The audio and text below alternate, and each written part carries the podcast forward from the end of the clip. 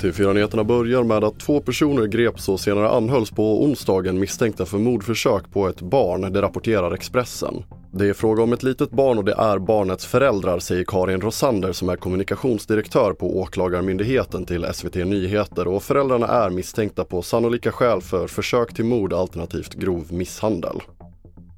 Vi fortsätter med att en ung man har gripits misstänkt för inblandning i det sprängdåd som skedde i en port till ett flerfamiljshus i Rågsved i södra Stockholm tidigt på nyårsaftons morgon. Den unge mannen som är misstänkt för allmänfarlig ödeläggelse greps av polisen den 5 januari och det är oklart om fler gärningspersoner är inblandade i sprängningen men polisen utesluter inte detta. Och en person har bekräftats död efter att en kran vid en intilliggande byggarbetsplats vält över ett köpcentrum i norska Mellhus, det uppger norska tidningen Världens Gang.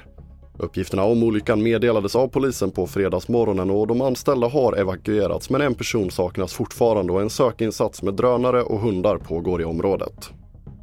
Och jag avslutar med att fem jägare som kapsejsade i Tjust skärgård utanför Västervik hade änglavakt under 13-dagen. Som tur var för dem var det en person på Lilla Rätö som såg vad som hade hänt och larmade räddningstjänsten.